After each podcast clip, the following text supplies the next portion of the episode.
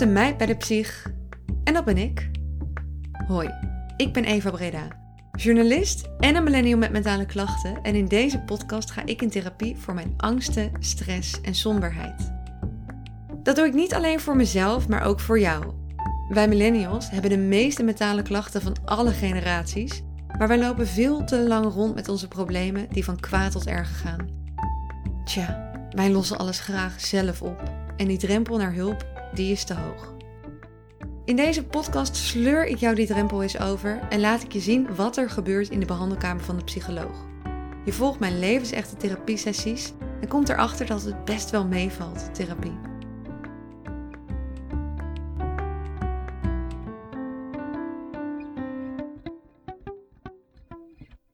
Hoi, leuk dat je weer luistert naar Komt mij bij de psych. De laatste sessie is al even geleden en in de tussentijd heb ik van luisteraars veel de vraag gekregen hoe het nu met me gaat. Ehm, wat doet de therapie op lange termijn? Werken de effecten nog door? En natuurlijk die grote vraag of uiteindelijk die laatste stap, dat nachtje weg, behaald is.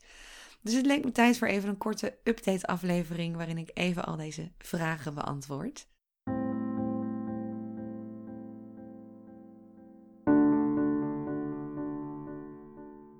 Om te beginnen met mijn klachten, hoe gaat het nu?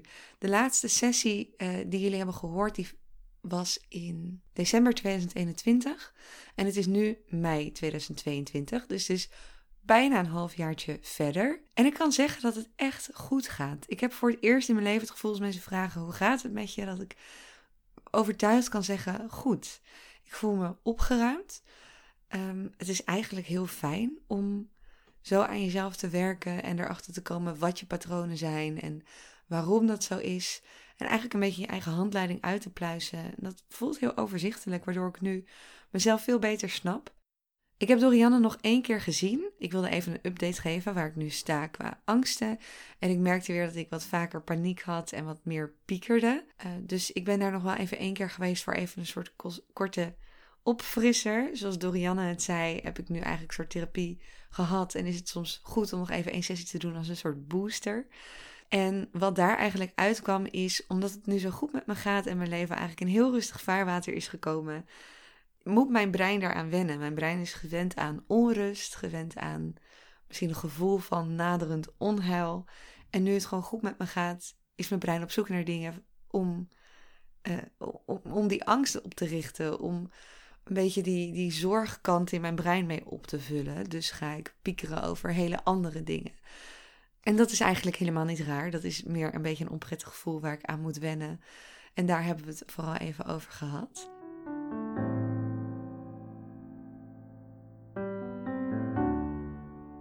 Qua angsten gaat het supergoed. Als ik nu toevallig een avond alleen thuis ben, of zelfs een nacht, en laat zelfs een keertje twee nachten, dan is dat eigenlijk al bijna normaal aan het worden. Van tevoren ben ik nog wel echt heel erg nerveus ervoor, maar ik weet wat ik moet doen als angsten opkomen en dat, is, uh, dat gaat eigenlijk heel erg goed. Ook kom ik er dus daardoor veel vaker aan toe om even met mijn eigen stilte te zijn. Op een gegeven moment in de therapie gaf Dorianne mij aan van... hé, hey, je luistert altijd podcasts en je bent altijd maar druk. Volgens mij ben je een soort leegte aan het opvullen... zodat je niet hoeft te voelen.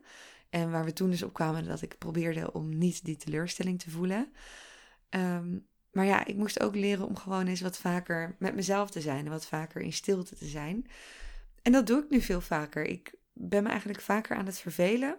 Want pas als je je verveelt, heeft je brein tijd om informatie te verwerken. Uh, daardoor word je gelukkiger, je slaapt beter, je wordt creatiever. Maar goed, dan moet je natuurlijk wel die ruimte nemen om dingen te verwerken. En dat is soms lastig, want op die momenten van stilte ga je nou eenmaal piekeren en dat wil je voorkomen. Maar nu ik dat vaker doe, gaat dat heel goed. Ik heb laatst in mijn eentje, ehm, ben ik naar het terras geweest. Eh, ik ga vaak in mijn eentje even aan het water hier in Amsterdam zitten. En uh, ja, ik zou dat echt zo aanraden. Al is het 10 minuten per dag. Kies een lekkere spot uit in de natuur waar je gewoon even een paar minuten gaat zitten. Het geeft mij heel veel rust in mijn hoofd en fijn om niet altijd maar ruis om je heen te hebben. Daarbij kan ik sinds de therapie ook veel beter praten over alles wat me dwars zit. Uh, ja, gemis en rouw, dat is er nog wel. Trauma van vroeger is echt nog niet helemaal weg. Het speelt gewoon een rol in mijn leven. Ehm, maar dat is eigenlijk juist een goed ding, want hiervoor speelde het bijna geen rol in mijn leven, omdat ik het best wel wegdrukte en het er nooit over had. En daardoor drukte ik ook heel veel mooie dingen van vroeger weg. De herinnering aan mijn vader bijvoorbeeld was best wel weggezakt, omdat ik ehm, niet aan de negatieve dingen van hem wilde denken en daarmee ook alle positieve dingen eigenlijk buiten de deur zette. En nu ik weer door de therapie ja, vaker over vroeger ben gaan praten, ben ik ook meer met mijn omgeving over vroeger gaan praten. En zijn er ook weer heel veel mooie herinneringen teruggekomen. Ook heel veel nare, maar ik vind het niet meer zo moeilijk dat die er zijn. Dus dat heeft alweer hele mooie dingen gebracht. Deze podcast die liet ik van tevoren voor iedere aflevering altijd even horen aan mijn moeder en uh, aan familie, aan mijn vriend, zodat iedereen even kon horen van wat gaat die meid nou allemaal vertellen in de therapie. En dat heeft er ook al voor gezorgd dat ik veel openhartige gesprekken met mijn omgeving ben gaan voeren, terwijl ik die gesprekken altijd echt heel erg uit de weg ging.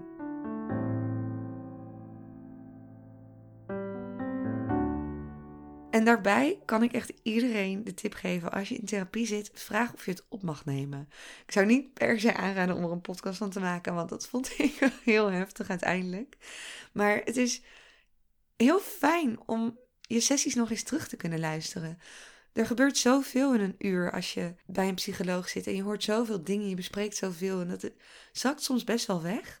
En ik vond het heel leerzaam om gesprekken weer terug te kunnen horen en te denken: oh ja, dit hadden we besproken.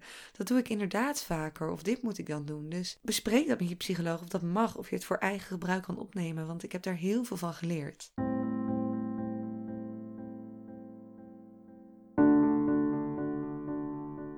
Met mijn innerlijke kind en mijn volwassen, liefdevolle Eva gaat het nog steeds ook heel goed. Ik ben echt een klap liever voor mezelf en daardoor is mijn leven ook een stuk rustiger geworden. Ik heb zowaar vrije tijd in mijn leven, wat ik mezelf nu eindelijk gun. Ik probeer gewoon veel vaker als ik dingen doe even te denken, wat zou de liefdevolle Eva zeggen? En die zegt echt niet altijd, ga lekker op je luie reet thuis op de bank zitten, niet sporten, niet werken, you deserve it. Soms zegt ze, hey, je bent echt blijer als je het wel eventjes doet. En misschien is het ook wel goed voor je. En soms zeggen ze inderdaad, hey, take it easy, doe het even niet. Dus ik heb wel geleerd die stem wat meer te luisteren, daar wat meer naar te luisteren. Kan zeker niet zeggen dat het altijd goed gaat. Uh, want ik heb nu weer echt een denderend volle week voor mezelf in elkaar gedraaid. Maar het is wel fijn om af en toe even die reminder te hebben van, oh ja, what would she do?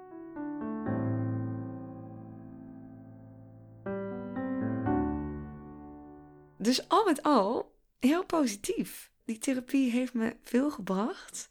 En ik kan ook wel zeggen dat het misschien wel een soort van bijna een hobby is geworden. Ik weet niet of dat gek is. Maar het is gewoon, wat ik net al zei, zo lekker om je eigen handleiding een beetje uit te pluizen. Dat ik nu ook wel uh, steeds meer boeken over het onderwerp ben gaan lezen. En ook nog wel benieuwd ben naar andere type therapieën. Waar ik nog wel graag eens in zou willen duiken het is best wel interessant om erachter te komen waarom je bepaalde dingen doet. En wat je daar, hoe je het nog beter in kan zetten. Dus al met al therapie super positief. Wat ook mega positief was, dat waren alle reacties. Ehm, als je zo'n lief bericht naar mij hebt gestuurd, wil ik je echt enorm bedanken. Het was heel erg overweldigend uh, hoe openhartig jullie naar mij durfden te worden. En de mooie berichten die ik kreeg in DM. En de mooie gesprekken die ik heb gevoerd met mensen. Ik heb mensen soms in het echt ontmoet. Ik heb met mensen gesproken in de chat. En het was heel bijzonder om toch voor mijn gevoel dit samen te kunnen doen met z'n allen. Dat jullie ook in therapie zitten of gaan en dat we met elkaar ervaringen konden uitdelen en elkaar daarin konden steunen, soms tips konden uitwisselen. Dat was zo'n warm bad en echt de ultieme steun om te krijgen in zo'n moeilijk proces. Dus ik wil je ook vooral aanmoedigen als je nog in therapie gaat of als je er nu in zit. Je kan me echt altijd een bericht sturen. Als je het gevoel hebt dat je eventjes niet weet bij wie je die steun moet zoeken. Ja, dan kan het bij mij of bij het prachtige netwerk dat uiteindelijk uh, is ontstaan. Misschien in de toekomst dat we er nog eens een keer iets mee kunnen doen en met z'n allen een mooie dag kunnen hebben waarin we het gewoon even hebben met elkaar over hoe het echt met ons gaat wordt nog steeds te weinig gevraagd. En het lijkt me super mooi om alle mooie mensen die ik heb kunnen spreken naar aanleiding van deze podcasten eh, samen te zien. Maar mocht jij dus ook eh, iets herkennen in deze podcast of behoefte hebben aan steun, stuur gewoon een berichtje.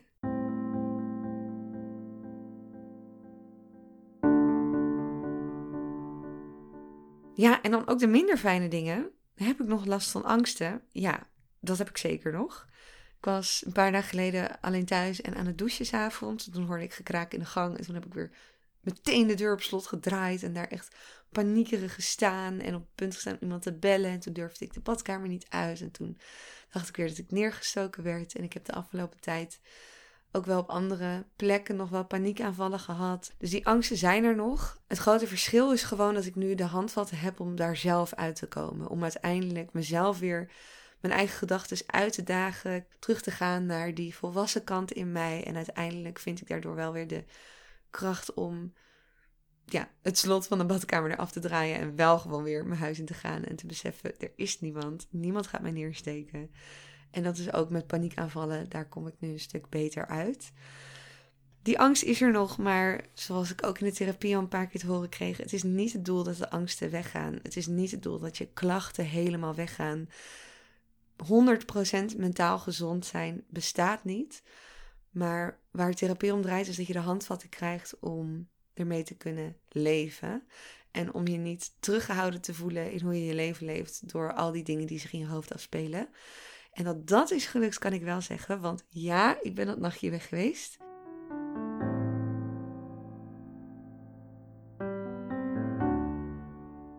Ik heb in een soort wagentje of zo.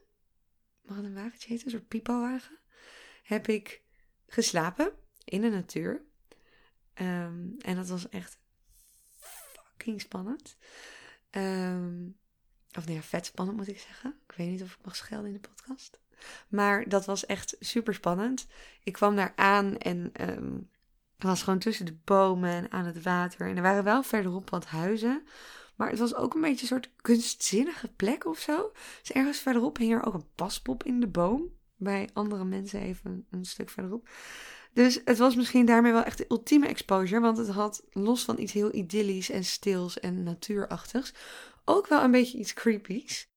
Ik heb een paar stukken opgenomen van mijn nachtje weg. Hier hoor je dat ik aankom bij de plek waar ik zal gaan overnachten.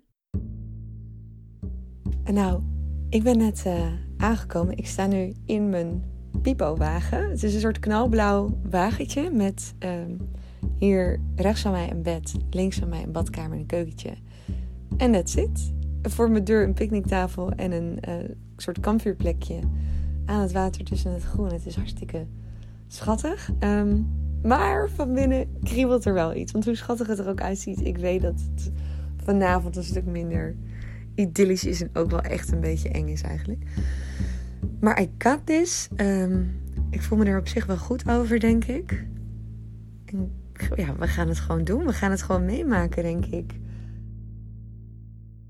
En ik ben overdag dan in ieder geval daar gewoon lekker even verderop naar een terras geweest. En lekker een stuk gewandeld. En, en s'avonds heb ik naast mijn huisje een kampvuur gemaakt. En toen werd het wel gewoon echt pikken donker. En toen moest ik het denken aan die doodenge paspop die ergens verderop in de boom hing. Dus dat was eigenlijk wel doodeng. En om me heen was echt alles aan het ritselen en doen. En vogels en katten waarschijnlijk. Maar in mijn hoofd waren dat natuurlijk weer seriemoordenaars die op mij afkwamen met een mes.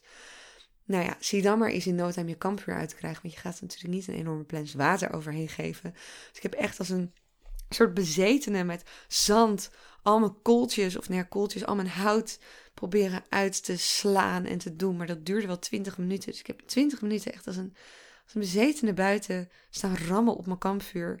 Zodat ik snel naar binnen kon. Dus ja, ik was echt super, super bang op dat moment. En toen daarna ging ik ook rennen naar binnen naar mijn wagentje waar ik hier zou slapen.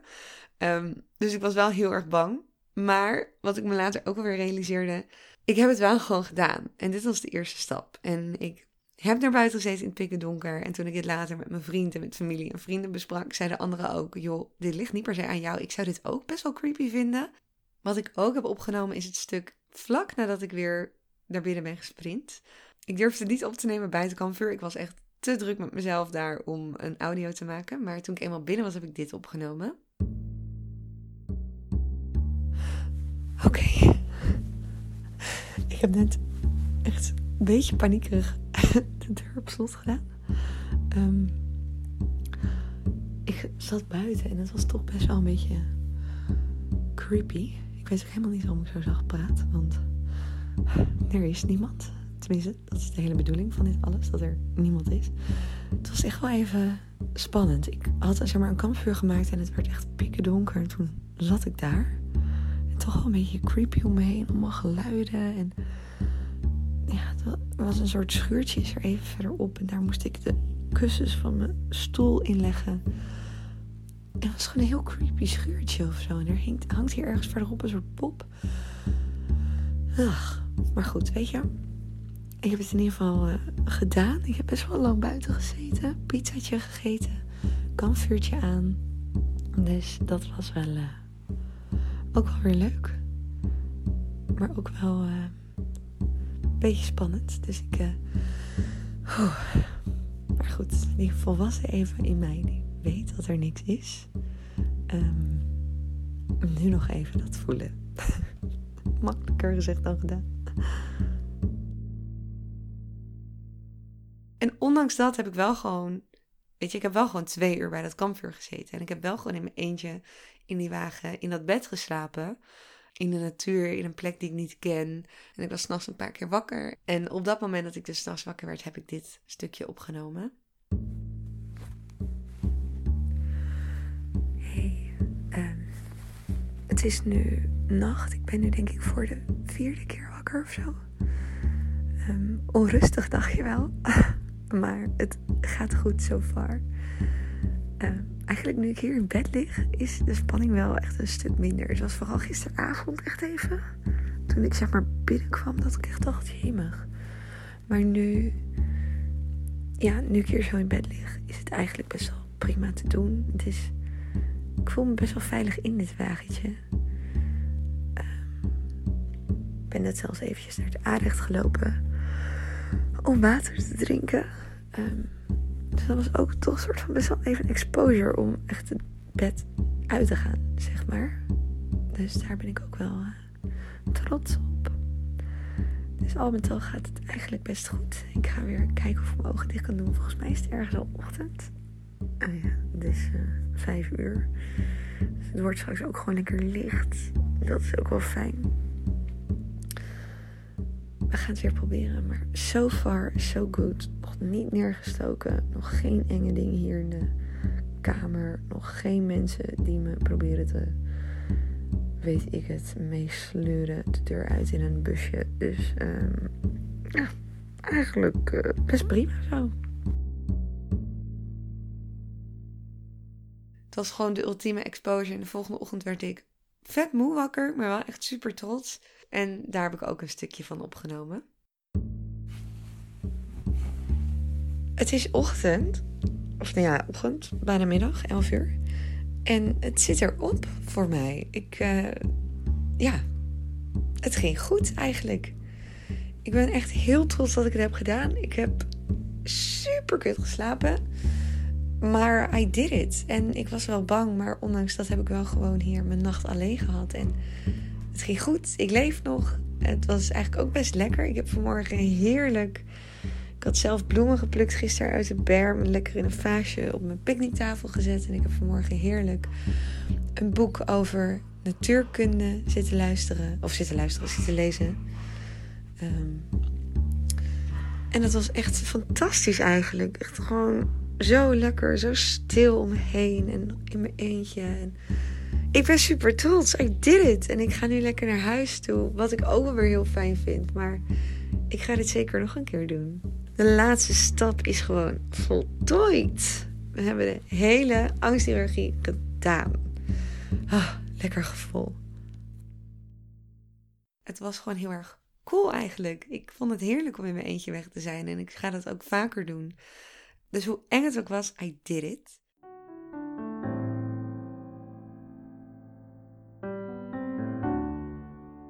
Zoals je dus hoort, de angsten zijn er nog en paar andere klachten zijn er ook nog. Ik zit denk ik nog wel echt midden in mijn rouwproces. Ik denk nu ik eenmaal mijn ja, bepaalde vakjes in mijn brein heb geopend, dat daar nog wel misschien nog wel een boel uit gaat komen.